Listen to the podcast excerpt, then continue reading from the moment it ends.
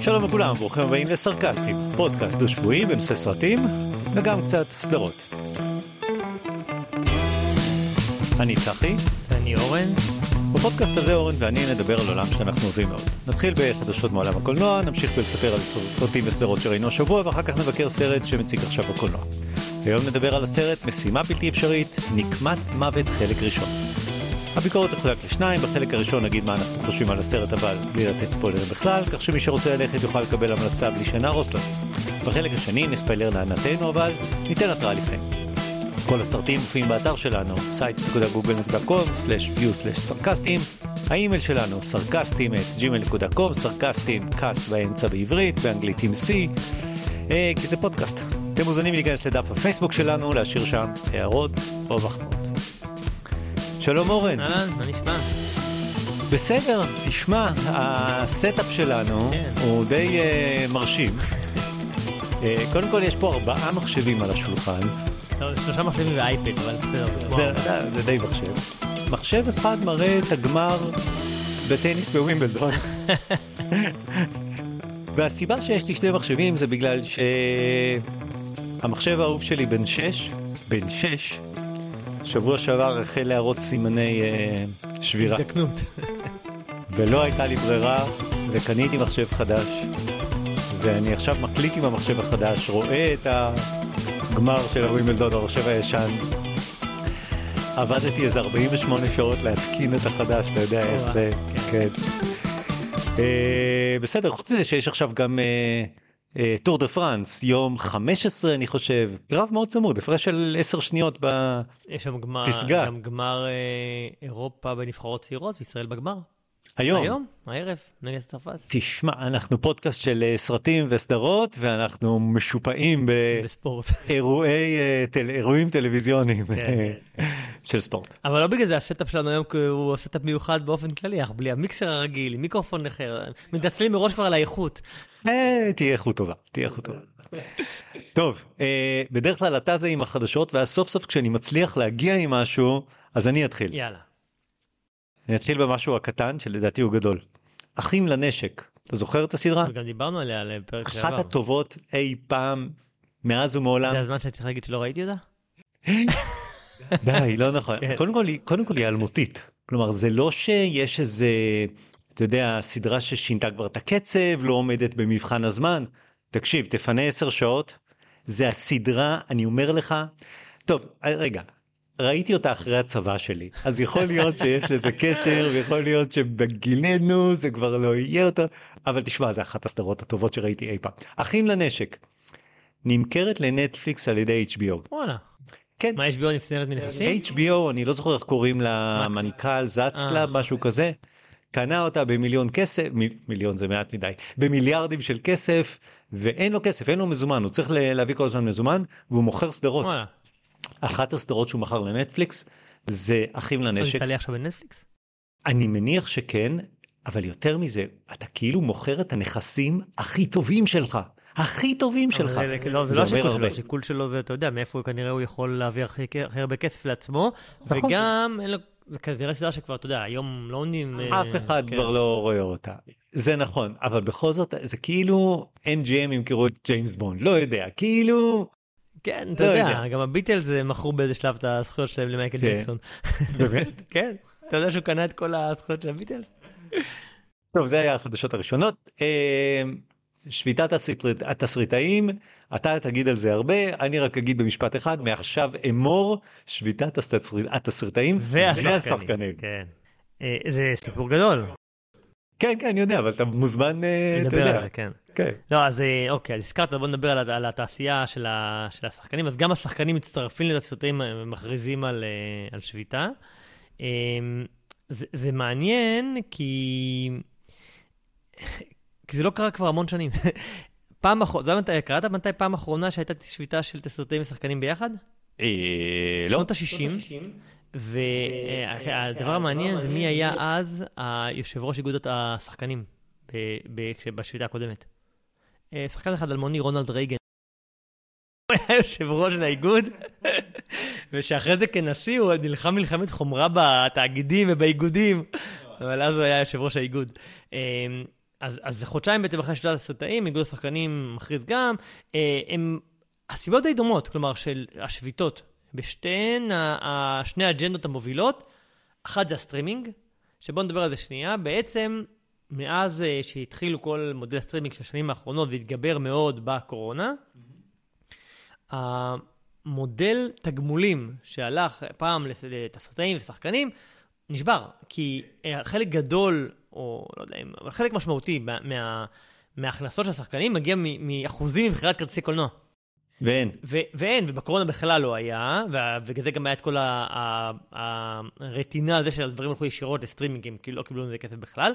וגם היום, עדיין הקולנוע לא חזר למה שהוא היה טרום זה, וספק אם הוא יחזור. יש הרבה דיבורים שאולי הוא כבר אף פעם לא יחזור, ורק סרטים מסוימים וכולי, ובוא נדבר על זה. אבל אה, השחקנים אומרים, רגע, השתנה המודל. חברות ההפצה מצאו דרך אחרת להפיץ סטרימינג, עושות כסף בערך אותו דבר, ואנחנו השחקנים, ה chunk מהעוגה הולך לכיוון שלהם. אז זה סיבה, זה סיבה אחת משמעותית שה... לשביתה. הם רוצים יותר אחוזים. כן, הם רוצים שה... וגם לקבל אחוזים מהסטרימינג. בדיוק. שהיום לא בדיוק, מקבלים. בדיוק, שהעוגה תחזור להיות אה, יותר שוויונית, כמו שהיא הייתה טרום אה, עידן הסטרימינג, או טרום עידן הקורונה של הסטרימינג וכולי. והסיבה השנייה, שגם נדבר עליה עוד היום, AI. הם אומרים שכמו שהם רוצים שכבר עכשיו, כאילו, המודל ההכנסות זה כבר בעיה שיש היום, AI זה בעיה שהם רואים בעתיד, שיש את כל השאלות שמעלה אלינו כבר בעבר, האם אפשר למכור את הזכויות הדיגיטליות שלך, ומישהו ישתמש עכשיו בתום קרוז אחרי שהוא ימות, או בתום קרוז צעיר ויעשה ממנו סרט, ומאיפה, ועם מה, מה המודל תגמולים וכולי, ורוצים ש, שזה להסדיר כבר עכשיו את כל נושא ה-AI. אז זה שתי הסיבות של גם התסרטאים וגם השחקנים, וה... רגע, אבל שנייה, השחקנים לא הפסידו, השחקנים ממשיכים לקבל כסף טוב. כן, אבל שוב, חלק מההכנסות שלהם, שהיה מבוסס על אחוזי מכירות כרטיסים, ירד משמעותית. והם צופים שזה ימשיך לרדת. והם רוצים שזה יחולק אחרת, שזה לא יהיה לפי אחוזי מכירת כרטיסים, אלא שיהיה להם איזה משהו אחר שלא יודע, תחשוב על סטרימינג. צופים. כן, צופים, subscription, לא יודע מה, כן. כן. אז זה כבר התחיל להשפיע, כי, כי היה עכשיו, היה קרנת בכורה של אופנהיימר לפני uh, שבוע, ושני כוכבים, שזה רוברט דאוני ג'וניור, ונדמה לי מת דיימון. מת דיימון, מת דיימון. הם פשוט, אה, הם לפני הבכורה עזבו, עזבו את ויצאו. זה. כי... יותר מזה, אה, כריסטופר נולן הצהיר. שהם קמים עכשיו והם יוצאים, זה היה מתוכנן. כן, זה היה דקלרטיבי. וגם הם, הם, זה חלק מה... מה הארגון הזה, יש שם שני ארגונים, אני לא זוכר את הראשי תיבות שלהם, שני, שני הראשי תיבות של, של האיגודים.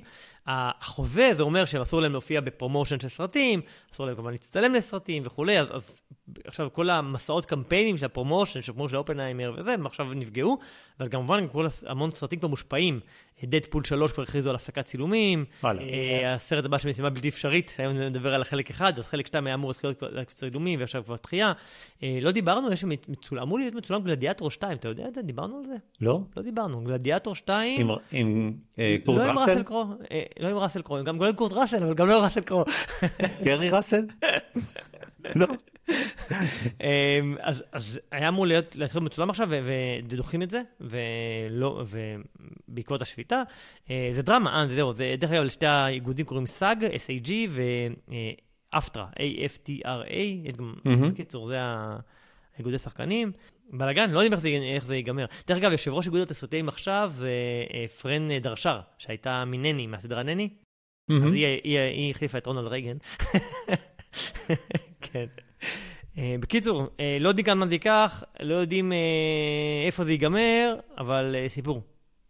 טוב, תשמע, אני חושש מההשפעות הלוקאליות, אתה יודע, ש- שיהיה לדבר הזה. האם אנחנו נאלץ להפסיק את הפודקאסט? תראה, אני מניח שלא יפסיקו, לא יהיו יותר סרטים, אבל יהיה, אני לא יודע כמה זה ייקח, זו שאלה, יש איזה השפעה על השפעה. אה, נראה, אתה יודע, אבל בסופו של דבר, אתה יודע, אחד הילדים שאל אותי, תגיד, למה הם שופטים פתאום? אמרתי לו, למה שופטים תמיד? יש סיבה אחת, נכון? כסף.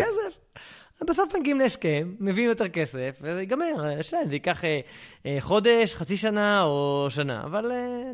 זה נראה שהם נחושים יותר מה... מהרגיל, כן. אה, והם לא יתקפלו כל כך מהר. אה, נכון, זה זמנים מעניינים. יש דרך אגב דברים שלא מושפעים, למשל העונה החדשה של בית הדרקון, שמצטלמת בימים אלו, לא מושפעת. למה? כי כמעט כל השחקנים בריטים. וואלה. אז הם לא באיגוד השחקנים האמריקאים, אז הם ממשיכים, ממשיכים את, ה, את הצילומים. אבל אה, כמעט כל הסדרות, סרטים שאנחנו מכירים, הם אה, מושפעים, גם אלה שהיו משביתת התסריטאים וגם החדשים. אה, ונום שלוש, אה, הסרט חדש של קווינט איסטווד, קלינט איסטווד, קוראים לו Juror Number 2, משהו כזה. וויקד, מורטל קומבט 2, ביטלג'וס 2 שדיברנו עליו, ועוד ועוד ועוד. בקיצור, כמעט כל דבר. אה, נראה מה יהיה עם הקומיקון בעוד, אה, בחודש הזה. יהיה מעניין, יהיה מעניין. טוב, אני, אני אעדכן אותך לדברים החשובים במשחק בווימבלדון. בלייב, בלייב. בלייב ראו עכשיו את... אה, הוא לא בשביתה? ברד, פיט ודניאל קרייג יושבים אחד ליד השני. מותר להם? הם לא. בשביתה אבל? אני לא יודע, אבל זה מה שראו עכשיו. כן, דרך אגב, דיברנו על שביתת התסריטאים וזה, ב- אה, חצי קשור, הכריזו, החדשה הבאה שלי, והייתה, חשבתי שתהיה לפני, אבל כבר דיברנו, זה הכריזו על המועמדויות לאמי. כן, גם על זה שמעתי. אה, שזה מעניין, כי זה קרה בדיוק ב... בדיוק עכשיו. אה, היורשים. היורשים, שדיברנו עליה, אה, The Last of Us, כן. הלוטוס הלבן, אלה כאילו הגדולים, אבל יש, יש כמובן עוד הרבה. זה ה- הטקס האמי ה-75, הוא אמור לקרות אה, לדעתי ספטמבר, אוקטובר, משהו כזה. המון סרטים שדיברנו עליהם מופיעים ב... אה, במועמדויות. אבל זה בגלל שיש מועמדות לכל נכון, דבר. כי דיברנו על זה כבר בעבר, החלוקה בין הקומדיות לדרמות וכולי, אמ, אבל אפשר קצת ב- ב- לסבר את ה- את האוזן. שחקנית בסדרה קומית, אז דיברנו על, אה, יש את אה, רייצ'ל ברוסנן מגברת מייזל המופלא, שדיברנו עליה שהולכת להיות לואיס ליין, אז היא למשל, אה, נטשה ליון מ Poker Face, שדיברנו דיברנו פה, ג'נה מוונסדיי, יש פה, עוד, זה שלוש מתוך חמש. בסדרה קומית יש את... ג'ייסון סיגל מ Shrinking, גם דיברנו על הסדרה מאפל TV עם הריסון פורד. כן, אה, מרטין שורט מ-Only Murders in the Building, כרגיל ג'ייסון סודקיס כמו כל שנה בטד לסו, וחבר שלך מהדוב, כן, איך קוראים לו? ג'רמי אלן ווייט. אז הוא שחקן ראשי. בסדרות קומיות, אז דיברנו The Bear וגברת מייזל. סדרות קומיות The Bear. כן, זה לא בדרמה או בקומית, הוא נכנס לקומית. העונה הראשונה כמובן, כן? אנחנו מדברים על העונה הראשונה. שוב, Only, only Murders, טד לסו, ונסדיי, ברי, ויש שחקני משנה, אז גם מטד לסו יש שניים שמופיעים, גם אה, ברט גולדסטין ופיל דנסטר. אה, יש מהדוב את ה... אה, אני מניח שזה הגיס שלו, איך שלא קוראים לו. אז ב- ושחקניות משנה בסדרה קומית, אז, אז שוב, זאת- חוזרים על עצמם אות- אותם זה, טד לסו ושרינקינג ו- וגברת מייזל והדוב. אה, שדיברנו עליהם, אה, יש ב, ב... זה מצחיק, דיברנו על זה שיש להם עוד קטגוריה שלישית שהיא מיני סדרה. מהמם. אז ב, אני לא יודע אפילו, מיני סדרה זה כאילו שאין לזה עונה שנייה. אז יש את, אה, אה, את הסדרה על ג'פרי דאמר, כן. אז משם יש אה, שחקן, אה, שחקן ראשי במיני סדרה. יש את אה, ווירד אל ינקוביץ' שדיברנו, דניאל רדקליף ששיחק בסרט שאני דיברתי עליו, אז יש משם. אה, ואת ה, גם דיברתי על הסדרה Beef, אתה זוכר בנטפליקס? אז גם בשחקן משם, סטיבן יאן משם הוא גם. Fleishman in Trouble, השחקנית הראשית במיני סדרה, אז יש את הבחורה מ Fleishman in Trouble. מה, לא יהיה עונה שנייה? כנראה שלא. אם כן, לא, אולי ישללו להם את הפרס אם יהיה עונה שנייה, כי זה כבר לא יהיה סדרה. אלי ואלי וואנג ב- בצורך שחקנית, גם באותו זה, אז, אז עצבים עצמה מועמדת בעצמה, ופליישמן בצרות מעובד, ואובי וואן קנובי, משום מה, אה, בקטגוריית מיני סדרה, ומועמד לפרס, כאילו הסדרה עצמה, המיני סדרה עצמה. הסדרה של אה, מלחמת הכוכבים שלא השאירה שום חותם. שום חותם, לא אה. אני לא זוכר את העלילה. אה, אם אני אנסה מאוד, אולי אצליח, אבל אתה יודע. אה, בסדרות דרמה, את האחרונים בינינו דיברנו, בלה רמזי משם, אה, קרי ראסל מהדיפלומט, מועמדת, ומיורשים אמרת כבר, שרה סנוק. בקיצור כולם, אפשר להגיד כולם. כן, אני אומר, זה, הסדרות- הרבה סדרות שדיברנו עליהן והיו אז המועמדות, ורק נסיים רק בסדרות דרמה, יש את אנדור, סמוך על סול, The Crown, בית הדרקון, האחרונים מבינינו, יורשים, דיברנו על לוטוס הלבן, וסדרה שנקראת הצהובות. מה שחסר לי פה, הסדרה של אה, אמזון, על אה, Lord of the Rings, זה לא ראיתי אותה. שזה מוזר. נכון, אה, לפחות אפקטים. כן, מוזר שהיא לא מופיעה לא בשחקן, לא בשחקנית, לא בסדרה. אני לא יודע, אולי משהו בתזמונים, אבל uh, זה קצת uh, בלט לי שחסר. Uh, זהו, יש גם, את סדרה, יש גם את התוכניות אירוח, אבל אנחנו פחות, פחות רלוונטי לנו, אבל זה מופיע שם, וריאליטיז שגם, אבל זהו, בקיצור, זה פורסמו, ועוד מעט יהיה, ונדבר על זה בטח אחרי, אחרי הטקס. אה, אה, זה יהיה ב-18 בספטמבר, הטקס. מה שלא זכרתי מקודם, 18 בספטמבר. אה, זהו, יש לי חדשה אחרונה. כן? מתקיימים, מתקיים בימים אלו פסטיבל הקולנוע בירושלים. החל יום חמישי נראה לי. ואתה מתכנן לראות? אני הולך ביום שבת לסרט בפסטיבל הקולנוע בירושלים, שנקרא of a Fall, אנטומיה של נפילה, שהוא הסרט נעילה. אה, במקביל היה סרט אחר, בריכת האינסוף, אז הלכתי רק לאחד מהם. זהו, אני חושב ש... מגניב, הכל בסינמטק. הכל בסינמטק בירושלים, כאילו יש כמה אולמות שם בסינמטק בירושלים, אז, אז זה שמה. אמ, אז זה פסטיבל הקולנוע בירושלים, אז מי שעוד אה, רוצה השבוע יספיק לראות כרטיסים, יש גם, גם את זה, ואתה יודע, לא ראיתי אף אחד מהסרטים שם עדיין, אבל זה מאוד אה, מדובר, כי הוא זכה גם בפסטיבל כאן נדמה לי. Mm-hmm. אז זה, מגיעים לירושלים כבר אחרי פסטיבלי ברלין וכאן וכל יודעים מה כבר זכו בפרסים, אז האנטומיה של נפילה הוא אחד מהם המדוברים, אה, ברכת האינסוף זה השני. יש את הסרט פתיחה שהיה גולדה. שזה מעניין, גולדה... כן, גולדה מאיר, זה היה בסרט פתיחה ביום חמישי, אני חושב, ומוקרן במהלך השבוע עוד פעם. מי שיספיק ויראה, אז זהו, פסטיבל הקולנוע בירושלים, זה היה קורה בימים אלה. זהו, זה החדשות שהיו לי. טוב, בואו נעבור למה ראינו בשבועיים האחרונים. אני, אני אתחיל, לא ראיתי הרבה, כי התעסקתי בלהתקין מחשב חדש. לוקח 48 שעות. כן. סדרה ראשונה שראיתי נקראת The Blackberry. היה לך בלקברי? אה, לא היה לי, אבל כמובן אני מכיר, ואני שמעתי גם על הסדרה, אבל... אה, לא היה לך בלקברי? מעניין. אני חושב שלא היה לי. לי היה. היה שניים. כאילו, לא בבת אחת, כאילו, היה לי מסוג אחד, ואחר כך מסוג שני, בלקברי כזה כסוף מעבודה, הוא היה אחלה טלפון.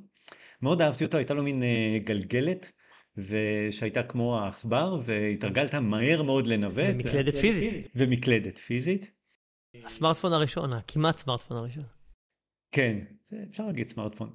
Uh, החברה RIM, Research in Motion, חברה קנדית שהמציאה את הבלקברי, המציאו את הטלפון המשרדי, הסמארטפון עם המקלדת המלאה, שהיה לו אימיילים, אינטרנט uh, מקרטע, הם המציאו את, ה, את ההודעות על גבי דאטה, uh, כמו שהיה, כאילו זה סוג של וואטסאפ, אוקיי? שהם המציאו את זה במקום ה-SMSים, הם שברו את שוק ה-SMSים בעצם, כי מי שלא זוכר פעם שילמנו חצי שקל לכל אס.אם.אס, אם לא שקל.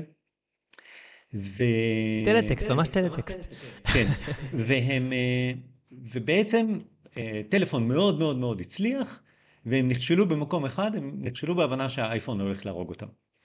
ובעצם לרים יש אה, שלושה סיפורים, סיפור אמיתי, כן. שני השליש הראשונים של הסרט הזה מספרים את הסיפור של שיווק מוצר גאוני על ידי מנכ"ל מאוד אה, אקסצנטרי. אה, שמוכן לעשות הכל אה, על מנת לנצח. בסרט דיברנו עליהם אובר ו WeWork. לא, וגם, לא, אבל זה יותר סרטי מוצר כמו נייקי, וטטריס, בדיוק, זה מאוד הזכיר לי את זה. וזה תוך כדי הסיפור הרגיל של איך לוקחים סטארט-אפ של אה, גיקים שמשחקים כל היום במשחקי מחשב תוך כדי עבודה והופכים אותו לקורפורט מסודר עם היררכיה ועבודה מסודרת. אז זה השני שליש הראשונים. חברה קנדית. חברה קנדית. כן, היא אירופאית. לא, לא, זה נוקיה. אה, כן. נקראת אה, Research in Motion. השליש האחרון זה בעצם הכישלון של, של ההיבריס. והשליש האחרון מתחיל כמובן ב... הצגה של אה, סטיב ג'ובס בכנס של, אה, של אייפון עם המצגת המפורסמת שמתחילה ב...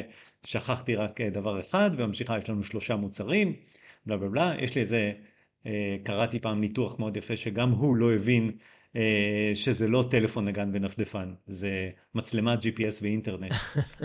אבל זה אוקיי. והם נתקעו במחשבה שטלפון משרדי חייב להיות עם מקלדת אמיתית ולא, ולא מקלדת וירטואלית.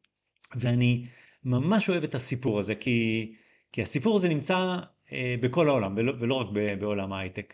זה ההיבריס. אדידס חושבים שאין סיכוי שנייקי יצליחו לנצח אותם. נטסקייפ משוכנעים שהם הדפדפן הכי טוב בעולם ואין סיכוי שדפדפן.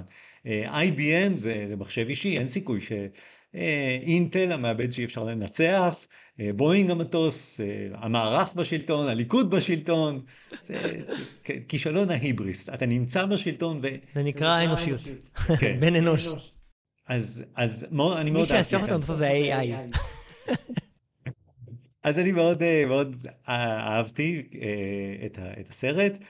כמו בטטריס ובאר, אתה מקבל בהתחלה שתי דקות דחוסות של שנות ה-60 וה-80, עם בימי אפ סקוטי ובלייד ראנר וטרון, חולית רואים שם, אינספקטור גדג'ט, מה עוד ראיתי שם? אז זה מאוד יפה. כמו שבטטריס המעברים בין סצנות הם מסכים מפוקסלים, אז כאן זה מסכים שחור לבן של בלקברי כאלה. ובאמת ראיתי אותו כסרט שלישי בסדרה של מוצרים משנות ה-70, 80, 90, uh, מאוד נהניתי, כי הסיפור קולח, הדמויות מרתקות, ובסוף זה לא סרט על טכנולוגיה, זה סרט על אנשים ועל האופי הדפוק של, של אנשים, אנשים רעים, אנשים טובים, על חברות, על חברות ש, שנפגעת ובגידה, והמתח האם בלקברי ינצחו או לא ינצחו. שאתה יודע את התשובה אה, כבר מראש. בדיוק, אבל המתח נשמר לכל אורך הסרט, אתה יודע שהוא מת בסוף, אבל בסדר. אה, פסקול הסרט זה שירים משנות התשעים, אז זה מגניב. אה, משפט אחד שהמנכ"ל שם אומר שם, אני חושב פעם אחת, Good enough is the enemy of humanity. אתה יודע מאיפה, כאילו זה לא אחד לאחד, אבל זה המוטו של הסרט וויפלש. מה אומר שם ג'יי קיי סימונס בוויפלש? well done, הוא, הוא נגד המשפט well done, הוא חושב ש-well done זה הצרה הכי גדולה של האמריקאים. אז, אז The Blackberry, אני ממש ממליץ. איפה רואים את זה? לקנייה, עדיין. כאילו, בטח הוא עוד לא הגיע לסטרימים, יגיע בקרוב, אני מניח. כן, שמעתי עליו גם דברים מאוד טובים, וזה... מה יש עכשיו, באמת גל של סרטים שהם חצי נוסטלגיים, חצי טכנולוגיים, חצי זה, והם באמת, כמו שאמרת, זה כבר שלישי בסדרה. מה הבא שאתה מחכה לו? מותו של אייפון. תחכה, עוד 30 שנה. כן. אה, הסרט השני שראיתי נקרא ביוספיר, אה, סרט מ-2022, הוא עדיין לקנייה, אני מניח שהוא יגיע בקרוב לסטרימינג, סרט של אה, One Location, שני אנשים בתוך ביוספירה. אה, מין כדור של כל העולם שלהם נמצא בפנים והם לא יוצאים ולא נכנסים וכל הסרט זה שני אנשים בתוך ה... והם יודעים שהם בכדור הזה? כן, ו... כן, כן, כן. אה, ביוק כן. הכל ביולוגי בפנים חי. כן, כן. עכשיו יש... science fiction כזה כאילו? סוג של. אתה מכיר את החברה Gimlet Media של פודקאסטים? לא. יש להם, אה, זה, איזה מישהו הקים חברת פודקאסטים ו... והוא התחיל עם הסיפור של איך הוא שהוא מקים סטארט-אפ זה היה הפודקאסט הראשון שלו אני מכיר סטארט-אפ לסטארט-אפ קוראים Gimlet הוא יעשה הרבה פודקאסטים והפודקאסט הראשון זה הסיפור שאני okay, מקים okay, את הסטארט-אפ הזה אה, אבל הוא אני לא זוכר איך קוראים לו אבל הוא מאוד מאוד בתוך התעשייה וזה לא סיפור רגיל של מישהו שמקים סטארט-אפ כי יש לו המון המון קשרים הלך לו מאוד uh, טוב והוא בחור, בסוף מכר את הסטארט-אפ שלו ב-200 מיליון דולר לספוטיפיי mm. והיום אתה יכול לשמוע את כל הפודקאסטים של Gimlet. אה, אקסקלוסיבית בספוטיפיי ויש להם פודקאסטים מדהימים אחד אחד סטארט-אפ heavyweight אם שמעת עליו אה, של ג'ונתן גולדשטיין Homecoming היה פודקאסט שתי עונות הפך להיות סדרת טלוויזיה עם ג'וליה רוברטס והפודקאסט שבגלל זה נזכרתי זה Habitat. Mm. Habitat היה סיפור על ביוספירה שמסמלצת אה, אנשים שחיים על הירח או על, או על המאדים מכניסים אותה שם לחצי שנה. ובעצם הם לקחו אה, הקלטות של החצי שנה של האנשים האלה וערכו את זה לפודקאסט שהוא חצי סיפורי חצי מתעד. וזה פודקאסט מדהים אני ממש ממליץ לשמוע כי זה לא תוכנית רעיונות זה סיפור של שישה פרקים ו... וזה פודקאסט מאוד מאוד טוב כי האקדח שמונח במערכה הראשונה וכולי וכולי אחלה פודקאסט. אה, בקיצור לגבי Gimlet נקראו לספוט אגב אני גם במגעים עם ספוטיפיי שתדע. עם כל הפודקאסט שלנו. כן כן כן.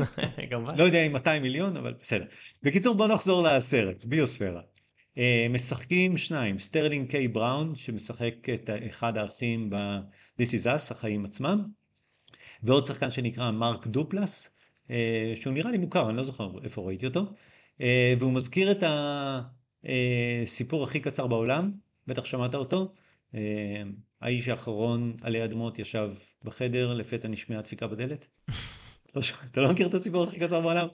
אוקיי, אז, אז זה הסיפור. שני אנשים יושבים בביוספירה, והסרט שואל האם אנחנו יכולים להשתנות. האם נולדנו כמו שנולדנו ולא משנה אה, מה קרה לנו, האם נתקענו עם האופי שלנו ואנחנו לא יכולים לשנות אותו, או האם משהו יכול לקרות ויכול, אה, ואפשר לשנות. באמת שאלה? אה, כן, הם שואלים את השאלה. לא, זה לא תשובה ברורה? אה, לא, לא חושב. כאילו יש אנשים שדוגלים, אתה חושב, בפילוסופיה שבני אדם נולדים ומאותו שנייה לא יכולים להשתנות? שהכל ב-DNA ואפס ירידה? אני בטוח שכן, משוכנע. זה האופי שלי, זה אופי מחורבן ואני לא יכול לשנות אותו. אני... אפס למידה? מיום הלידה? שקשה לך לשנות את האופי. אני בן אדם עצוב. במהות שלי. אני בן אדם, אני לא יודע לצ... אני לא, אני, אני לא רואה קומדיות. לא, כל כך הרבה מחקרים, כל כך הרבה... לא יודע, תשמע, אתה מכיר את זה שאנשים חיים בתוך סיפור של... אה, אני לא יכול לשנות, אני כאילו... כדור הארץ שטוח, ואין מה לעשות. לא, זה לא ישתנה. לא זה, אני לא יכול להיות מנהל. אני נולדתי להיות uh, עובד שכיר, אני לא יכול להיות מנהל. או אני, אני בן אדם עצבני במהות, אני לא יכול לשנות, לא יודע, אני אלים. לא. כאילו אנשים הולכים לטיפולים עשרות שנים לא, בשביל להיות מסוגלים לשנות את האופי. לא, יש הבדל בין לא מאמינים שמסוגלים לשנות באופן מהותי את האופי שלהם, כי הם יכולים שהוא בכיוון מסוים, לבין אני לא מסוגל לעשות שום שינוי, כאילו, זה לא אותו דבר. על זה מדבר הסרט, אה, סוג של מדע בדיוני, שזה המוטו שלו, אתה, אני אוהב את זה שאתה נזרק לאמצע הסיפור ולאט לאט אתה מגלה מה הסיפור, למה הם שם, מה הם עושים שם וכולי וכולי. אה, תשמע, לא מדהים, נחמד, קצת גרם לי לאי נוחות ברגעים כאלה ואחרים, אבל זה הבאגים שלי. בגלל מה? בגלל העלילה או בגלל ה... בגלל העלילה, בגלל מה שקורה שם, בסדר. אבל לא רע, לא רע, אתה יודע, שאלות מעניינות, אה, זה סרט מעניין. אני לא זוכר ששמעתי עליו. אמרת... זה טוב, אני אוהב שלא שמעת עליו. סרט קטן מאוד, כן. שני שחקנים, אה, במאית לא מוכרת. אמרת ספירה, נזכרתי ביוספירה, ונזכרתי ישר בספר והסרט. לספיר אה, קראו לזה, אני חושב, הכדור כן, כן, של מייקל קריסטון, נכון? שזה אומנם סיפור אחר, אבל נזכיר לי ישר, אמרת ספירה וכדור. אז זה ביוספירה. כן. זה מסוג הסרטים, דרך אגב, אני תוך כדי שדיברת, אני הסתכלתי, אז אה, אה, יש לו דף, IMDb מאוד מעניין. כי יש ב starring שני אנשים. ברור. אתה יודע, כן. זה one location, זה רק השני... נכון, זה מעניין. אף פעם לא ראיתי סרט, דף IMDb שיש בו שני אנשים. לא ראית סרט עם בן אדם אחד? כן, לא, הוא ב Cast Away, אתה יודע, יש את סצנת פתיחה, סצנת סיום. רוברט כאילו. רדפורד בים, בסירה. אני לא בטוח שלא היה בהתחלה, הוא נפרד ממישהו, כאילו יוצא לא, לא, לא, לא, לא, הוא בשייט, הוא מתחיל בסירה. יכול להיות. אני צריך לראות דף ה-IMDb כן, של זה. ויש את בריד? כן. אבל לא, שוב, אני לא זוכר אם אין בשום מקום בסרט שהוא נזכר או רואה או עושה, אתה יודע. בברי אין שום דבר. מדברים איתו בטלפון, אז אתה תראה בקאסט אנשים שמדברים איתו. אולי, אולי. לא כמו מכונית. לא, יש, מדברים איתו. כן. לא, אבל one person. כן, אבל אני, לא זוכר uh, שראיתי דף ה-MDB שבסטארינג יש שניים וזהו. אבל uh, סרט, מה שדיברנו פעם שעברה, לא הייתי ורואה אותו, כי 5.6 הציון. אז זהו, אמרתי. אז לא הייתי הולך לראות. הוא לא מדהים, כן, הוא לא מדהים. אבל זה אני, זה הבאגים שלי. אבל הוא מעניין. אולי אני אגרור, אתה יודע, יש לך שעה וחצי, הוא מעניין, הוא לא, בסדר. אה, אבל זה נחמד שאנחנו יכולים לזרוק עשרה סרטים של מעט cast. one location. לא, מעט cast. כן, ב Locke דרך אגב יש הרבה cast. בגלל שהם מדברים איתו בטלפון. יכול להיות, כן, voice, voice, voice, voice, voice, voice. ספיידרמן מדבר איתו אגב. כן, זה כולם, אה, כולם voice באמת. אה, כן, שהוא בעצמו גם Venom, אה, אפרופו ספיידרמן. נכון, הוא Venom, מדבר עם ספיידרמן. עם תום הולנד, כן. אוקיי, עכשיו תעבור אליי, אני אגיד מה אני ראיתי. כן, מה ראית בשבועיים האחרונים, אורי? אז ראיתי, גם לא ראיתי הרבה, סרט וסדרה. ראיתי סרט וסדרה, נתחיל מהסרט. אה, ראיתי סרט בקולנוע, שנקרא לא לוקחים קשה בעברית, או No Hard Feeling באנגלית. ג'ניפר לורנס. ג'ניפר לורנס. ג'ניפר לורנס משחקת אה, צעירה שזקוקה לכסף ונענית למודעה של הורים עשירים לעזור לבן התיכוניסט והחנון שלהם להיגמל מביישנותו ובתוליו. מהמם. זה, זה ה premise. כן. תראה, ג'ניפר היא אחת השחקניות המוערכות בהוליווד, כן? היא... דיברנו עליה לפני שני פרקים, אני חושב, או שלושה פרקים, Causeway. כן, כן, מאוד כן, אהבתי, כן. מאוד אהבתי אותה ב Causeway. דרך אגב, זה אחד, ה... כן, אחד הפריצות האחרונות של ה Causeway. אבל היא פרצה, ב, אתה יודע, באופטימיות זה שם המשחק, הייתה אפילו קיבלה עליו אוסקר, והיה משחקי הרעב, ו X-Men, וחלום אמריקאי, ו Don't Look Up שהיה לפני כמה שנים היה לה איזה שדיברנו מדע עליו. בדיוני מטופש עם מישהו שהם טסים באיזה ספינות. כן, זה היה עם, אה, עם אה, קריס פרט, כן. קיצור, אחת הסרטות המוערכות. אה, הסרט עצמו הוא סרט במסורת אה, סרטי הנעורים של שנות ה-80-90 כזה, אתה יודע, כמו כן ביי מילה, ו American Pie, משתגעים על מרי, כל הסרטים מהז'אנר הזה בגדול. אה, אז זה, זה קצת על הסרט והז'אנר. אני חושב שהסרט אומנם מצחיק, ויש בו קטעים באמת שישבתי וצחקתי בקול רם, באמת. אה, מצד שני חסר בו משהו, הוא לא, הוא לא מדויק, הוא די קריקטורה ולא מוצלחת בחלק, בחלקים נרחבים שלו. הוא לא מתרומם לגבהים של הקומדיות קל שהזכרתי, אה, שהם באמת, יש בהם איזה קסם, אתה יודע, למרות שהן מטופשות וזה, הן זכירות ותפסו מעמד מאוד מאוד אה, חזק בתרבות גם, הוא לא מגיע לגבהים האלה. אה, הוא שואב מהם השראה, אבל הוא לא מצליח להתקרב אליהם לדעתי. גם הרבה מההתנהגויות של הדמויות בסרט, הן בסוף לא אמינות. אתה יודע, המינים שלהם לא מובנים, הן משנות את ההתנהגות שלהם מהר מדי, הן לא עוברות את התהליך. יש פה איזה פספוס, אני חושב, בסך הכל הכללי. אה, אתה יודע, אתה יכול אבל לשאול, אני תמיד שאלתי את עצמי, אתה יודע, מה אני מצפה מסרט דרמה טוב, ומה אני מצפה מסרט אה, קומדיה טוב. דיברנו על זה בעבר, אמרתי, סרט דרמה זה סרט שמרגש אותי, שאני יצאתי... וסרט קומדיה זה סרט שמצחיק אותי. אז אם אתה מסתכל על, על מבחן השורה התחתונה, הוא מצחיק. כאילו, הוא הצחיק אותי, ישבתי וצחקתי באמת בצורה שלא ב... בהרבה קומדיות זה מעלה סתם חיוך פה, ממש, זה מצחיק. מצד שני, זה לא מצחיק עד אינסוף, וזה היה מפוספס. אז, אז לא יודע, הייתי רוצה להגיד, מבחן השורה התחתונה, בתור קומדיה הוא, הוא קומי, אבל הוא, הוא לא מספיק טוב לדעתי. הוא מנסה לגעת בהרבה נושאים, אבל אני לא בטוח מה האמירה שלו בכל אחד מהם. הוא מדבר על דור הזי קצת, ועל הורים שלא משחררים את הילדים, ובתהליך, ותהליך התבגרות, ופערים פערי מעמדות. יש כאילו הרבה נושאים שהוא מנסה לגעת בהם, אבל בלי אבל אמירה בסוף זה. קומדיה. מה זה? אבל בסוף זה בסוף קומדיה. זה קומדיה וזה לא מספיק אה, נוגע בצורה... אתה יודע, גם קומדיה יכולה לתת ביקורת וסאטירה ולהיות אה, ביקורת חברתית וזה, אבל זה לא קורה שם בצורה שהיא, אני חושב, מספיק משמעותית. היו כמה נקודות מעניינות. אחת, מי שיצר את הסרט סיפר שהוא הוא ראה מודעה אמיתית בקרגליסט לגבי, ש, לגבי אותו סיפור, וזה מה שהביא לו את הרעיון לסיפור הזה. זאת אומרת, הורים שב- שחיפשו לבן שלהם אה, זה. אה, מישהי שתעזור לו לצאת מהקונכייה שלו. יש בסרט אה, סצנה ארוכה ומדוברת, שבה ג'ניפר לורנס מופיעה בעירום פרונטלי מלא, במשך כמה. דקות טובות. דווקא לא בקטע שהוא סקסי, אבל כן איזה סצנה, לא עושה אותו ספוילר, יש סצנה שהיא בעירום פרונטלי מלא, וזה כאילו, אתה יודע, זה, לא נפוץ לשחקן במעמד שלה, אתה יודע, שת, אה, אה, למה היא צריכה את זה, אתה יודע, אבל היא אמרה פה כבר בעבר ברעיונות שבשביל התפקיד המתאים, שהיא תהיה שלמה איתו אומנותית. מי מביים את הסרט? אה, אני לא זוכר, תכף אני, אני, אפשר לבדוק ותכף נבדוק ונגיד. מה שעוד מעניין לציין זה שמי שמשחק את האבא של הבחור התיכוניסט הזה שהיא יוצאת איתו, זה מתיו ברודריק, שהוא בעצמו היה כוכב גדול בשנות ה-80, אנחנו מזכירים אותו מ"שמתי ברז למורה", אה, או למורה, Ferris Bueller's Day Off, כמובן WarGames. Ladyhawke, אחרי זה היה ב Producer, ב Cable Guy, בגודזילה, ועובדה שלא ידעתי על, על מתיו ברודריק שמעניינת, הוא הקול של סימבה ממלך האריות. באמת? כן. אה, אז כן, אז הוא ה... אה, אחד הדמויות שם. אה, זהו, סך הכל סרט, אתה יודע, בשורה התחתונה, סרט חביב, מצחיק, לא מותיר יותר מדי אה, רושם אחריו, אבל אה, מי שמחפש, אה, אתה יודע, זה בידור fun לזמן קצר, אז, אז אה, יכול, אה, יכול ליהנות. תשמע, הסיפור של ג'ניפר לורנס הוא מעניין, כי היא, אתה יודע בכמה אוסקרים היא כבר זכתה? לא באחד רק? ארבעה. באמת? כן. ומה עוד? שלושה אוסקרים על שחקנית, אה, אוקיי. על Winter's Bone, Silver Linings Playbook, שזה אופטימיות היא שם המשחק. וג'וי. Mm. הראשון זה קר עד העצם, נכון מה שאמרת? כן, כן. זה הס- זה הסרט פריצה שלה. היא הייתה בת 21, זכתה באוסקר בגיל 21. עכשיו, היא זכתה באוסקר על תפקיד משנה, אה, על American Hustle. כן, אה, הזכרתי את זה. בקיצור, היא כבר זכתה בשלושה אוסקרים על תפקיד ראשי, שזה מעמד של אה, מריל סטריפ, כן, שיהיה, שיהיה ברור. עכשיו, היא זכתה בהם עד גיל 26.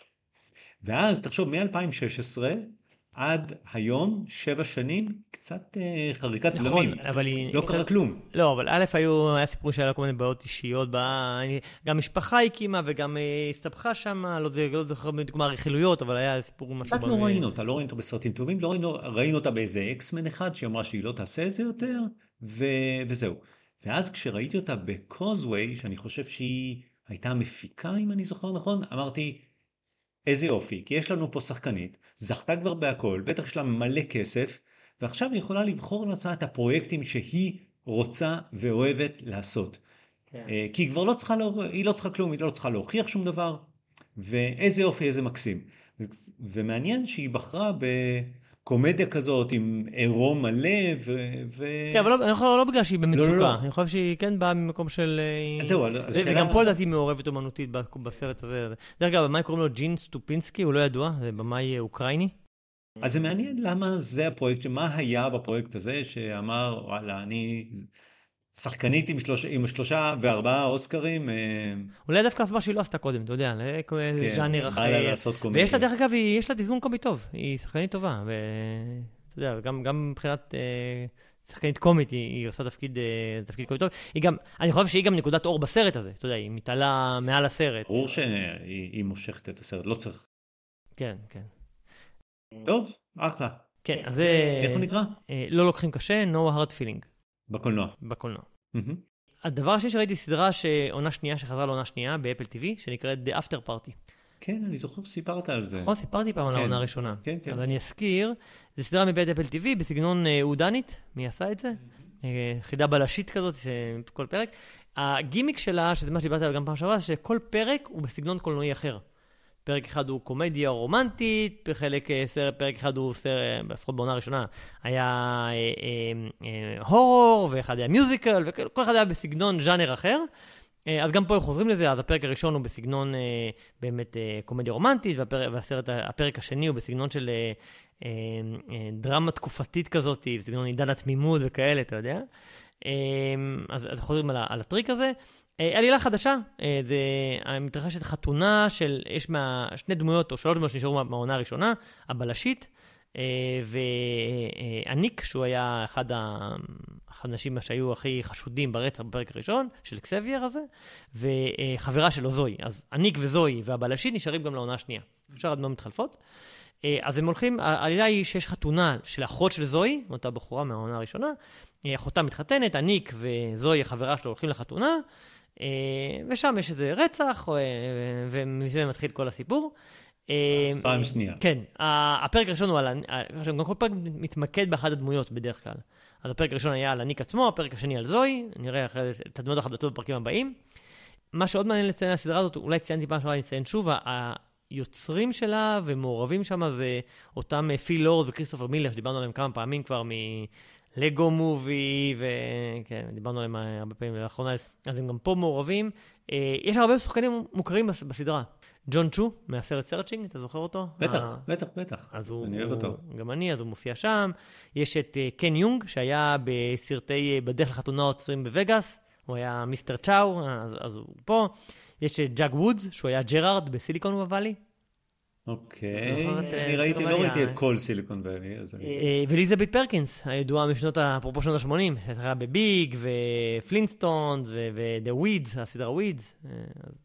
אז אה, בוא, יש הרבה שחקנים מוכרים.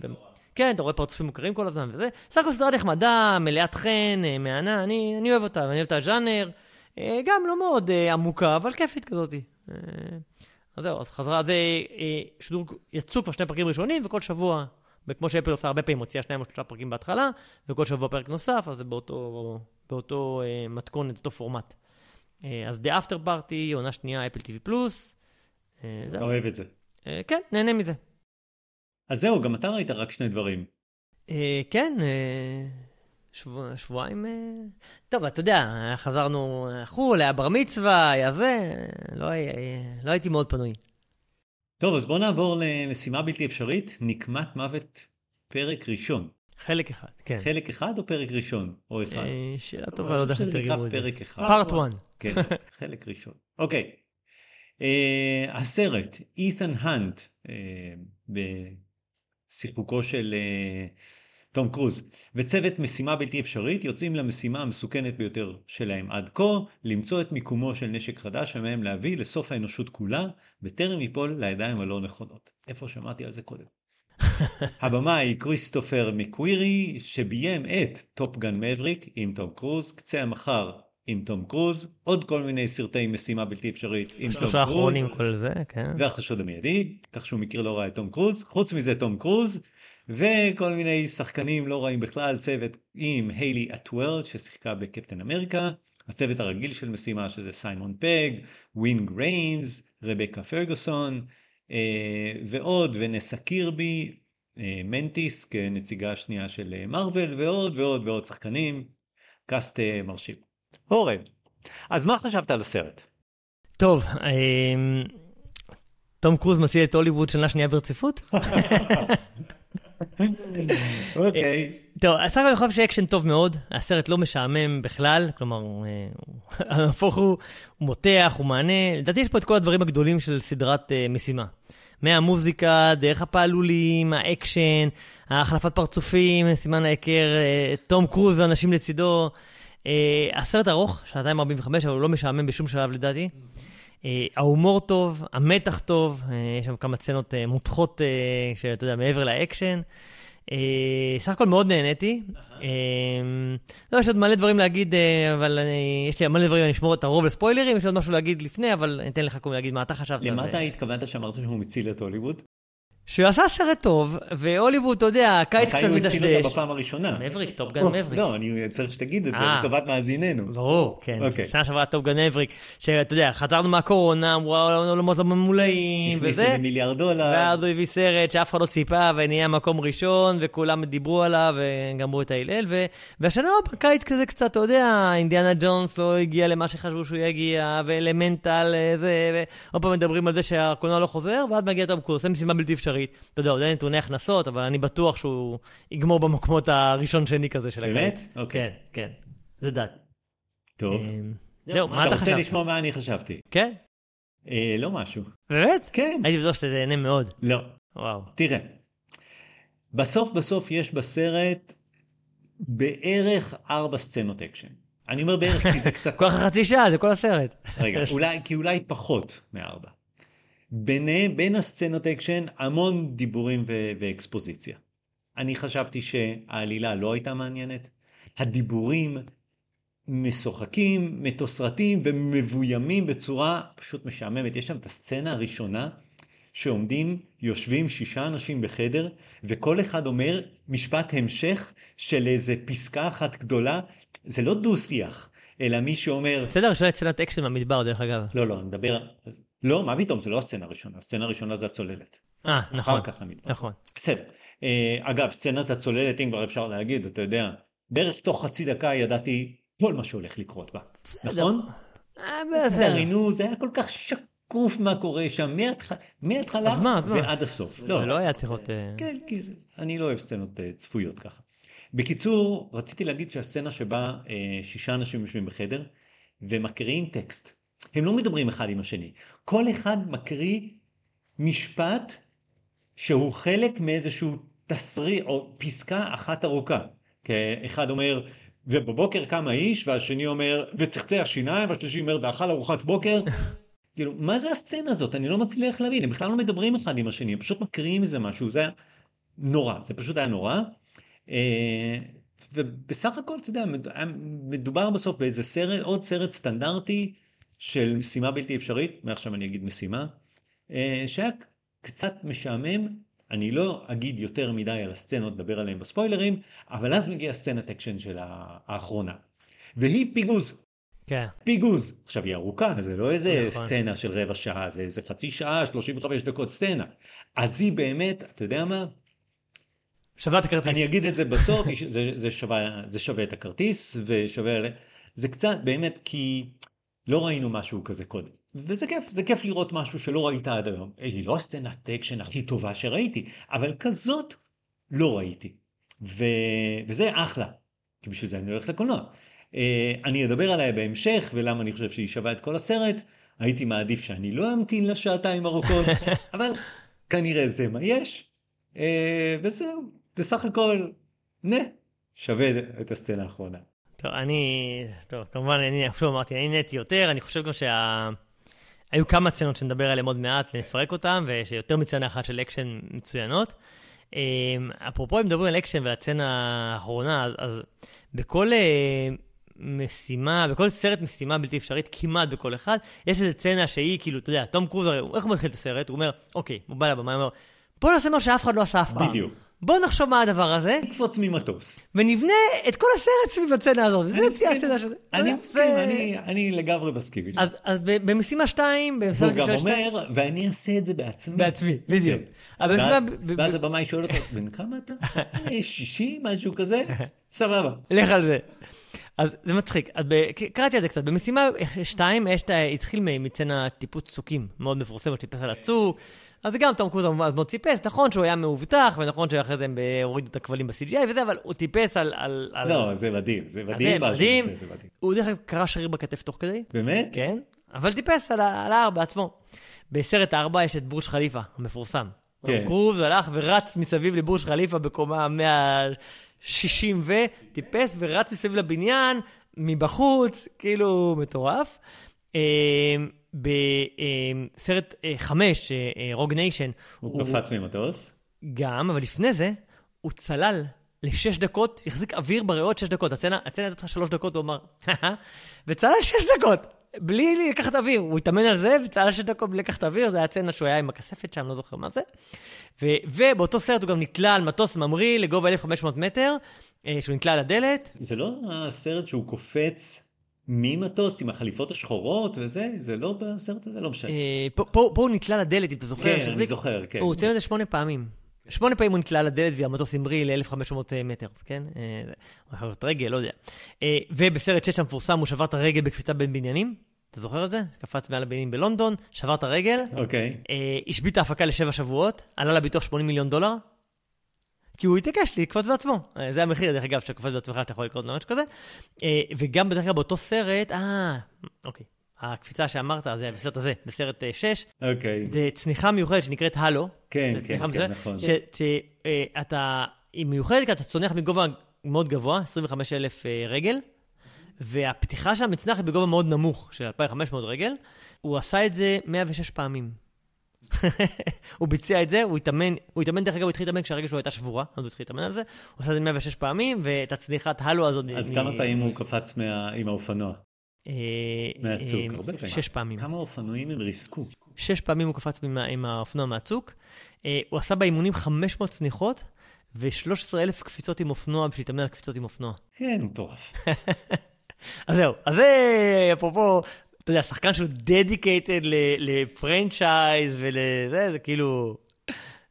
שזה אני מעריך אותו, אתה יודע, מישהו שלוקח את המקצוע שלו, אתה יודע, זה כמו, לא יודע, מייקל ג'ורדן, לברון ג'יימס, אתה יודע, שחקן שהוא כל כך טוטאלי, שהוא עושה, הוא מחזיק, אתה נגיד, לברון ג'יימס מדברים על זה, שהוא מחזיק סביבו צוות, צוות תזונאי ומאמן, ו... הוא, כל כך dedicated אה, ל, ל, למקצוע שלו, אז הוא שוכר מאמן כושר אישי, ומאמן תזונה אישי, ומאמן, לא יודע מה, אוהל חמצן, לא יודע מה, והוא כאילו, הגוף שלו זה כמו מקדש, הוא שומר עליו וזה, והוא כל כך dedicated למקצוע, כי הוא צריך להיות הכי טוב שהוא יכול במקצוע שלו.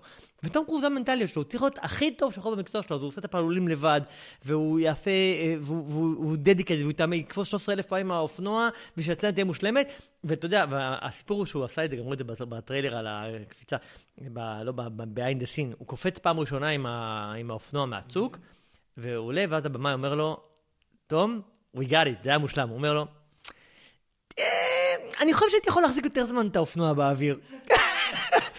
בוא נעשה את זה עוד פעם. נעשה את זה עוד חמש את זה פעמים. עוד חמש פעמים. אתה כן. יודע, הפרפקציוניזם הזה והדדיקיישן הזה, כנראה שהוא גם מאוד נהנה מזה. אני לא יודע אם הוא יגמור בחיים את החיים שלו בזקנה טבעית, אבל אני מעריץ אותו על זה. יש בזה משהו יותר מהדדיקיישן. אה, ראינו את אינדיאנה ג'ונס, והתלוננו על, ה... על הסצנה הראשונה, סצנת הרכבת. עכשיו, מה היה שם? מרדף באופנוע, שאתה רואה את ה-CGI, אתה רואה את המסך הכחול מאחורה, אתה רואה שזה לא בפוקוס. מרדף באופנוע אחרי הרכבת, מטפסים על הרכבת, ואז מכות על גג הרכבת. לא, רגע, אתה מתחיל, אתה מתחיל בספוילרים כבר. לא, לא, לא, בסדר. בחושך, עם אה, מסך כחול, מצולע, אתה, עם גרפיקה, הכל התלוננו, התלוננו על כמה זה נראה רע. ופה, כיוון שזה אמיתי לגמרי, הוא באמת עומד על גג הרכבת, הוא באמת הולך מכות, הרכבת באמת נוסעת, זה לא רק העובדה שהוא בן 60 והוא אידיוט שהוא עושה את הדברים האלה, זה, זה באמת נראה יותר טוב. זה לא CGI, וכל הסצנות האלה שרצינו לראות את אינדיאנה ג'ונס קורות באמת, זה נראה, אתה יודע, כששני אנשים נוסעים באוטו, ואתה רואה שזה מסך כחול, ושהם בעצם מדברים אחד עם השני, כן. והוא רק עושה ככה עם ההגה, והם לא באמת, אתה רואה את זה. נכון, אבל נכון. כשהם נוסעים במרדפים מטורפים במכוניות, וזה לא מסך כחול, זה פשוט נראה יותר טוב. אין, כן, יש, יש פה משהו, זה, יש פה משהו קולנועי אמיתי, שזה שווה, כן. אני שמעתי ראיון מאוד ארוך עם המנהל של, הפעלול, של הפעלולים. והוא סיפר על עבודה עם תום, תום קרוז ועבודה עם רבקה פרגוסון, וזה היה מאוד יפה. הדבר, התלונה היחידה ש... שהייתה לו זה למה אין אה, פרסי אוסקר למפיקי פעלולים, כי הוא אמר יש פרסי אוסקר לכל דבר, לכל דבר אבל לזה אין. אז uh, הוא אמר יש לתלבוש, לתלבושות ויש לאפקטים, כן. אבל לפעלולים אין. יש לפעלולים, לא למקרו... כן, זה מישהו אוסטרלי בשם איסטווד. לא, לא לסטנד קורדינטור, אבל יש לאפקס. כן, כאילו. כן. כן, יש לי עוד מה להגיד על זה. אבל בוא נעבור לספוילרים. יאללה.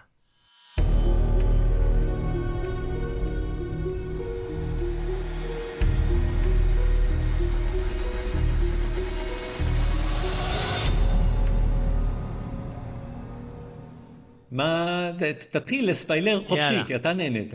טוב, אני אתחיל. אה, הנבל, הנבל הוא AI. זה הנבל. זה שטות גנרי כזה, the entity. כן, אבל, אבל זה נחמד, אני לא- חושב... אני אגיד לך מה זה נחמד, כאילו, זה לא פעם ראשונה שהנבל הוא AI, כן? ראינו כבר 2001 אה, יציאה בחלל, וראינו טרמינטור, אה, אתה יודע. אבל זה שונה, כי זה, אני חושב שזו פעם ראשונה, יש את זה, מתכתב עם הרבה דברים.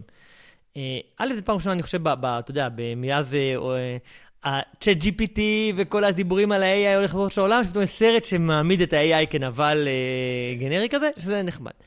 אה, אני חושב שבמשימה בלתי אפשרית באופן כללי, אה, כמה דברים שקשורים ל-AI, במשימה בלתי אפשרית באופן כללי, לא ברור מה אמיתי ומה מזויף תמיד, יש את הקטע עם המסכות, וגם פה יש את הקטע שאתה לא יודע מי אמיתי, מי לא. אז כך גם ב-AI, ה-AI גם עושה דברים שאתה לא יודע אם אמיתי או שזה הוא. הוא פתאום הוא מחליף את הקול, הוא מחליף את ה visual, אז זה מתכתב קצת עם כל המשימה. אה, עוד מה שאהבתי, שכדי להתגבר על ה-AI צריך לחזור ל digital ולעולם של פעם, אז הם לוקחים אה, אה, analog אה, זה וכולי. כי, כי ה digital, אה, כי, אתה יודע, כי ה digital הוא הנבל, זה ה-AI. אז גם תום קרוז, הוא חוזר לעולם של פעם, הוא עושה פעלולים כמו פעם, כמו שדיברת מקודם, עושה אותם אה, ב live, זה קצת מתכתב עוד פעם עם ה-AI והעולם של פעם. Um, ודיברנו בתחילה, לפני כמה דקות על זה שה-AI זה גם האיום הגדול ביותר באופן אישי לשחקני הוליווד. כן. קרוז אחד מהם. אז הוא נלחם קצת, אתה יודע, באיום האמיתי שלו. קול. כן, אחלה. סוגר מעגל. יפה. אמ, ואמרנו, זה הסרט הראשון בעידן צ'אט GPT, שהבינה מלאכותית זה ישות בפני עצמה, שזה אהבתי. אמ, אמרת מקודם שלא, אתה יודע, דיברת על אינדיאנה ג'ונס והרכבת. זה נחמד שלא צריך להצהיר את תום קרוז כדי שיילחם על גג של הרכבת. הוא בן 61, זה נלחם על גג של הרכבת, לא צריך לעשות אותו יותר צעיר. נכון, נכון. אגב, גם אריסון פורד, הוא בעצמו היה שם רק שזה היה מסך כחול. נכון. זאת אומרת, הוא עשה את הסצנות עם ההצהרה, ורק החליפו לו את הפנים. כן, מה כן. שלכאורה לא היה צריך לעשות, כי אפשר היה לקחת שחקן אחר. כן, אם כבר מחליפים את הפנים. בקיץ הזה היה אה, קרב על רכבת של אה, אינדיאנה ג'ונס וקרב רכבת של תום קרוז, שדרך אגב, לא יודע אם אה, אמרת את זה, אבל הם בנו, ראיתי גם מאחורי הקלעים, בנו קרון רכבת אמיתי, והסיעו אותו ב-60 קמ"ש. והתעקשו, תום קרוז התעקש, והבמאי, שהם יעלו על הגג וילחמו, תוך כדי שהרכבת נוסעת, את המכות שלהם. אז, אז זה מטורף, כאילו... יום אחד הוא לא, לא יצא מזה. זה מדהים. כן. ובקיץ הזה היה גם אה, מהיר ועצבני, שגם אותו עשינו אה, אה, פרק. במהיר ועצבני היה צנת מרדף מכוניות ברומא, במדרגות הספרדיות, שגם פה היה. וגם שם זה היה מסך כחול, ויושב אה, וין דיזל בזה, ומסביבו החלות, ותום קרוז נסע עם האוטו במדרגות הספרדיות והתהפך שם. כמה שהסצנה הזאת כל כך יותר טובה ממהיר ועצמני. נכון. מהיר ועצבני סרט לילדים, ומשימה בלתי אפשרית סרט למבוגרים. זה בדיוק היה ההבדל אה, מצולם. זה, זה, זה הפרפקציוניזם שלו, פרפקציוניזם שלו. מצד שני, אה, זה נוח להשוות את זה למהיר ועצבני, אבל אני דווקא רוצה להשוות את זה לג'וב האיטלקי או ג'ייסון בורן, ואני מצטער, סצנת הרכבת לא ראיתי כמוה קודם, סצנה של מרדף ברומא עם מכונית קטנה, ראית, ראית קודם, ולדעתי לא פחות. אבל גם פה היה קטע נחמד, אם זה שהם קשורים באזיקים. בסדר. כן, היה חביב. תקשיב, הסצנות, אה, מכונית תפוקה, ואני מנצח עדיין של ג'ייסון בורן, היו הרבה יותר, עם אקשן הרבה יותר מותח כן. ו... אני לא חושב שסיפרתי את זה פעם שעברה, שהייתי עם תמיר, אה, לא יודע, עם נועם בארצות הברית פעם אחרונה, אז אני חושב שלא סיפרתי, ביוניברסל היה, אה, היה כזה, יש מופעי live action, כמו שהיה, זה היה של אינדיאנה ג'ונס, אני חושב שציינתי את זה, והיה עוד סצנת live action של ג'ייסון בורן. אני חושב שלא סיפרתי, נכון?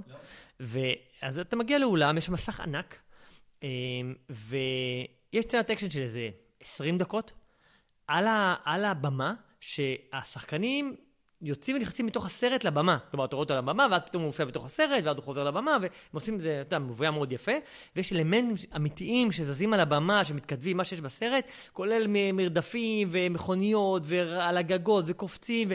מדהים, מדהים, לא ראיתי כזה דבר, באמת. ספקטקיולר בצורה מדהימה של אה, The Born Identity, אתה יודע, זה פרנצ'ייס שכבר היום פחות אה, מוכר אולי לצעירים, נגיד נועם לא הכיר את זה. מדהים, אפרופו הזכרת בורן, אה, זה העלה לי. אה, אבל, אבל כן, אתה, אתה יודע, זה לא פעם שיש סצנת מכוניות, אבל זה היה מאוד נחמד, אהבתי את הקטע הזה שהוא נכנס, הם קשורים באזיקים, הוא נכנס לתם, למושב של התא נהג, מסתכל מסביב, ואומר, טוב, אל תנהגי, כאילו, הוא, הוא מהרכז זמן אמת, מוצא פתרון, יאללה, כאילו, צריך אה, לקבל החלטה מהירה. אה, זה כן, הזמן, רגע, זה הזמן בשביל אה, איך למפות, ואתה תוכל אחר כך לעשות יותר מזה, אבל זה מתחיל בסצנת הצוללות שלא הייתה ממש אקשן והיא הייתה מאוד מאוד צפויה. ממשיך בסצנה המדברית, שאתה יודע, היא מצטלמת תמיד מדבר ודיונות וצהוב וכו', מצטלם ממש ממש כן. טוב, אבל היא לא הייתה מאוד מעניינת, כי בסוף הכל שם הייתה סופת חול ולא לא ראית שם יותר מדי, זה גם לא היה יותר מדי אקשן. ואחר כך יש את סצנת שדה התעופה, לא יודע, הייתה, הייתה נורא מת, תקשיב יותר. אה, לא יודע. עם חוש הומור באמצע וכל הקטע. כן, עם הפצצה. עם אני מאוד לא אהבתי את הזוג הזה של ה-CIA. כי כן, אני לא מבין למה להכניס את ה... שלוף אותם החוצה מהסרט, הסרט לא משתנה כהוא זה, ואני חושב שהם הניעו את כל הסצנה בשדה תעופה, ושגם ככה לא, לא אהבתי אותם. ואז בסוף מגיעה סצנת הרכבת. אז, וזה... באמצע רומא, אה, סליחה, ויש את הגאלה. יש את הגאלה, כאילו, יש את המרדף מכוניות, ויש את הגאלה ואת המכות אה, בסמטה צרה. אה, ו... כן. אוקיי. אה, אז בגאלה, אתה יכול להשוות את זה לג'ון וויק. כל מה שאני רוצה להגיד זה שזה דברים שכבר ראינו קודם, ונעשו לא רע בכלל. כך שאני לא ישבתי שם ואמרתי, וואו, אני רואה פה דברים, איזה יופי, איזה כיף. אבל אתה צודק, בסוף כל, הסצ... כל הסרט נבנה סביב סצנת הרכבת, ואין לי מה להגיד. היא עשויה לאלם, זה מתחיל במרדף אופנוע, ממשיך בקפיצה, ממשיך במכות וביריות בתוך, ואז את, ה... את, האחרונה עם הקרונות שנופלים אחד אחד, והקרון נופל וואו, אחד וואו. אחרי השני, מדהים, באמת, והפסנתר הכניסו שם באמצע. כן, תשמע, אין מה לומר, עשויה הזכיר לי קצת את Inception, אה, הקטע עם הקרונות והנפילה בקרונות, זה היה גם ב Inception, את הקטע שהם ישנים והמכונית שם מתהפכת ורואים אותם עפים ואין gravity וזה, הזכיר לי קצת ב visual שם Inception בקטע הזה. מה, מה שעוד רציתי, היה לי עוד כמה דברים להגיד. א', אני חושב שהסרט עומד בפני עצמו. כן. כי חלק אחד מתוך שניים, כאילו... עכשיו ראינו את מהיר ועצבני, שזו הייתה הפתעה, והסרט נגמר באמצע, וראינו את ספיידרמן שנגמר באמצע, ו... חולית. חולית שנגמר באמצע, חלק ידענו שיש חלק ראשון, נכון. חלק לא ידענו שזה חלק ראשון ויש חלק שני, ופה בפירוש אומרים, זה חלק ראשון, ויותר מזה, הוא נגמר. נכון. ועכשיו יהיה את החלק אבל השני. אבל הם פתרו את זה בצורה אלגנטית וכל כן. כך פשוטה, יש שני חלקים, צריכים להשיג מפתח, צריכים לפתוח כספת. הסרט ראשון מציגים מפתח, סרט שני נפתח כספת, כאילו, הגיוני וקל. כן. כאילו, אהבתי שהם עשו את זה נכון, בצורה... אין לא, לא קליפהנגר ולא שום דבר. כן, בדיוק. מה שלא אהבתי כל כך את ה... כמה דברים על ה-AI הזה. היה את גבריאל, שהוא כאילו הנציג של ה-AI, כי AI אין לו ישות אמיתי, הוא צריך בסוף להרוג, צריך... צריך נבל שאפשר להיאחז כן. בו. לא היה לי ברור מה המוטיבציה שלו, למה הוא נשמע ל-AI, איך ה-AI מחליט אה, בשבילו מה לעשות, כאילו, זה, זה היה מאוד... בדרך כלל כל מה שהנבל רוצה זה לחרב, לשבש ולייצר דיסאורדר בעולם. אבל למה? זה מהותו של הנבל. כן, אבל זה נבל. זה אבל, כל אבל לא הוא הנבל, ה-AI הוא. הנבל, לא הוא הנבל. אבל גם... הוא, אתה יודע, המסטיפיקציה. גבריאל רוצה לשבש. To disrupt the זה- world. זה לא, כל לא, הנבלים של ג'יימס בונד, כל מה אבל היה שרוצים לי לעשות מחשבה. אתמול, היה לי מחשבה אתמול. איך, אם היית רוצה ש-AI יהיה לו באמת ייצוג ממשי, מה הקלאסי שיהיה? אה, לא יודע. איך AI בדרך כלל רובוטים? רובוטים. אוקיי. אולי הוא רובוט גבריאל. אה, כי ראית- גם- ראית יותר מדי טרמינטור. לא, אני אגיד לך למה, כי גם תום קרוז אמר לו, רגע, אתה, הם כאילו ניסו להגיד שהוא בעצם כבר הופיע בעבר, והיה לי שם דבר משותף. הוא הרג את ה... והוא- הוא ותום קרוז כבר הרג אותו פעם, הוא אמר לו, אבל חשבתי שהרגתי אותך, והוא והוא קיים. אולי הוא איזה רובוט, אני לא נראה לי, זה לא הסגנון. לא יודע, אה, זה זה פתאום לא אמרתי את. זה. ה- אז עם הנבל, גבריאל, הייתה לו גם מישהי איתו, פריס קראו לה, הנבלית שהייתה איתו. היא הייתה קצת, יותר מדי לדעתי, היה לה איזה טירוף הרלי קוויני כזה, היא נוהגת והיא מחייכת בשמחה לא שהיא. דורסת. אני גם לא לא אהבתי היה. לי משהו כן. מוזר מאוד. בהתנהגות שלה. מה, מי- מיותר, כן. בימוי לא טוב. אני מסכים, לא, לא, אני חושב שזה היה מכוון, אבל לא אהבתי את זה גם. היה לי עוד שאלה מעניינת, לכאורה, וה-CIA אמרנו, הזוג כן, של ה-CIA שהיה נכון. מיותר. ו? אה, לכאורה היה ייצוג נשי משמעותי בסרט. היה את הגנבת, היה את ה... את אה, המרגלת, ונסה קירבי. ו- ונסה קירבי, והייתה את. זאתי, הרבקה פרגוסון, היה כאילו ייצוג נשי משמעותי. כן. אבל בסופו של דבר, זה היה, תום קרוז מציל אה, את כולם והם לא יכולות בלעדיו. וכאילו הוא הגיבור האמיתי, וכאילו בסוף, אתה יודע, שצריכים לנסות לנהוג, אז הוא הנוהג, והוא מציל אותה בסוף, והוא צריך לבחור את מי מהם יהרגו. כאילו, זה כאילו היה ייצוג נשי, אבל הרגשתי שעדיין זה נכון, אבל. בלעדיה הוא לא יכול היה. היא הייתה צריכה לעשות את התפקיד שלה ברכבת בשביל להשיג את המפתח. נכון, וגם בסוף הנבלת ההיא, הפריס הצילה אותו מליפול, תפסה אותו. אה, כן, אבל לא היה לי הרגשה כאילו, כאילו, הם, הם לא הלכו מזה עד הסוף, שאתה יודע, זה גיבורה, זה עדיין תום קרוז הגיבור, ה alpha male שמציל את העולם. התפטרו מרבקה פרגוסון? הוא היה צריך לבחור. לא, אבל למה, למה בסדרה כן. החליטו שלסוף שלה, כי אני, אני, לא יהיה עוד אחד לדעתי. אם, אם הבנתי נכון, זה האחרון. אחרי פרטו. כן. כן, למה היא צריכה למות אה, בסדרה הזאת? ולמה הם צריכים רגע הכניסו דרמטי, אותה... למה הורגים את אה, אנט מיי לספיידרמן? צריכים להכניס רגע דרמטי. כן, לא יודע. אה, דרך אגב, לא דיברנו על אה, תום קרוז רץ. זה, זה היה משפט הסיום שלי, שאתה דוחף אותי להגיד אותו עכשיו, אז אני אגיד אותו עכשיו, בסדר. לסיכום, ללכת לראות את הסרט בגלל הסצנה האחרונה, הנעימה של הסדרה, ותום קרוז רץ. ופה AI מתזז אותו, אומר לו, רוץ ימינה, רוץ שמאלה, עלה למעלה. הוא רץ, כמה הוא רץ, הוא רץ ברומא, והוא רץ על הגג של השדה תעופה בדובאי, והוא רץ... ובסמטאות שם. כן, בסדר, תום קרוז רץ. כן. שמעתי אה, שהוא רץ ממש מהר. לא, באמת, שיש לו ריצה שהוא ממש ממש רץ מהר, בגלל זה הוא- יפה הוא לראות, מראה לנו את זה הזמן. בגלל זה יפה לראות את תום קרוז רץ. כן. זה לא כמו הריצה של פורסט גאם, זה תום קרוז רץ. כן, היה לי, לי יש עוד שתי מחשבות לסיום. אחת, הצצנת קפיצה עם האופנוע שדיברנו עליה, עם השישה צילומים וזה, איפה שעשיתי. אני, זה הזכיר לי, כשהייתי נער, אה, היה מאחורי הקלעים של אינדיאנה ג'ונס במקדש הארור, אפרופו אינדיאנה ג'ונס בפעם שעברה. ואני זוכר את ה-behind the scene אה, קלטת, וידאו, אה, ששפילברג סיפר איך יש להם one shot, כי הוא חותך, הוא באמת חתך אה, את הגשר. את הגשר עם עם החרב, ידעתי מיד על מה אתה מדבר. והיה להם one shot לעשות את זה. אז הוא שמו, הוא סיפר, שמו שש מצלמות מכל הכיוונים, כדי שלא יפספסו אף קטע ואף זווית ואף זה, ומרחוק ומקרוב ומקלוזה ועם זה, שכשאריסון פורד מוריד את החרב על הגשר, והחרב- והגשר נשבר- לשניים והם נופלים, לא יפספסו את זה. והם חייבים לעשות את זה פעם אחת ולתפוס את זה כמו שצריך, כי יש one shot לדבר הזה. אה, והזכיר לי, ופה, אתה יודע, גם פה אתה לכאורה, יש פעלול כזה מדהים, שאתה עושה אותו, קופץ מהגשר, לא עושה אותו שש פעמים, כמו שיש שש מצלמות. אז אה, כן, זה הזכיר לי קצת. אמ, אני חושב עוד דבר אחד, בסוף, בסוף של הסרט, הסרט נגמר, אתה זוכר איך הוא נגמר? הוא נגמר ש... הוא מבין שהוא צריך להגיע לצוללת. בדיוק, ויש איזה voice over, שראש ה-CIA, ה... לא זוכר קוראים לו, הקמברידג' הזה, או הקרטרידג', או איך שלא קוראים לו, אה, מסביר לו, כמו שבהתחלה הוא אמר לו, יש לך מישן, if you choose to accept, בלה בלה בלה. ופה הוא אומר אותו דבר בסוף, ראש ה-CIA מספר לו, יש לו, יש voice over, אומר לו, אתה צריך עכשיו להגיע, וזה, ולראות אם תצליח. ו...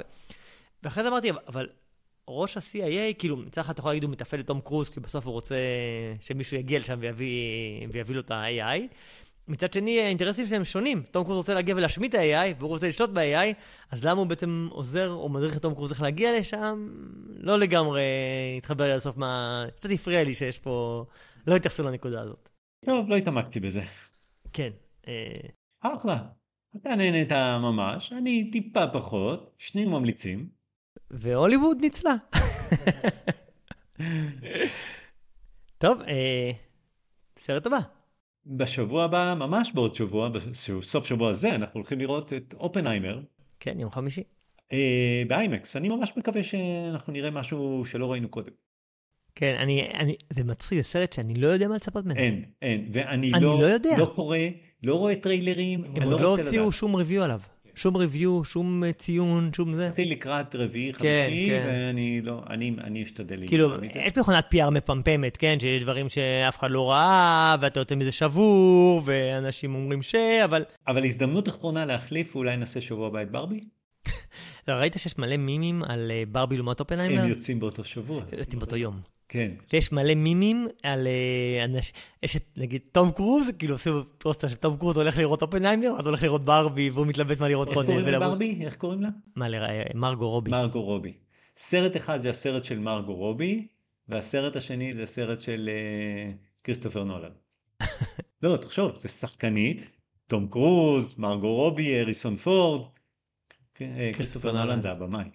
כאילו, יש לו מעמד על. אבל יש במאים כאלה, גם שפילברג, הסרט הזה של שפילברג. נכון, מרטי סקורסזה וכו', כן, אני לא אומר. טוב, נדבר על כל הדברים האלה בשבוע הבא. יהיה לנו פרק בעוד שבוע, נכון? לא בעוד שבועיים. כן, אמרנו שנעשה שבוע הבא, פרק מיוחד, אופנהיימר מצדיק. מצוין, בסדר. אז היה כיף. שבוע הבא אנחנו נראה אופנהיימר. סיימנו להיום את הפרק הזה. אני ערכתי, אם יש לכם המלצות או ביקורות, אתם מוזמנים לכתוב לנו לסרקסטים.com, ואם חשבתם שהפודקאסט מעניין, שתפו אותו עם חברים, דרכו באפליקציה, וזה באמת סיימנו להיום, נתראה בפרק הבא. יאללה ביי.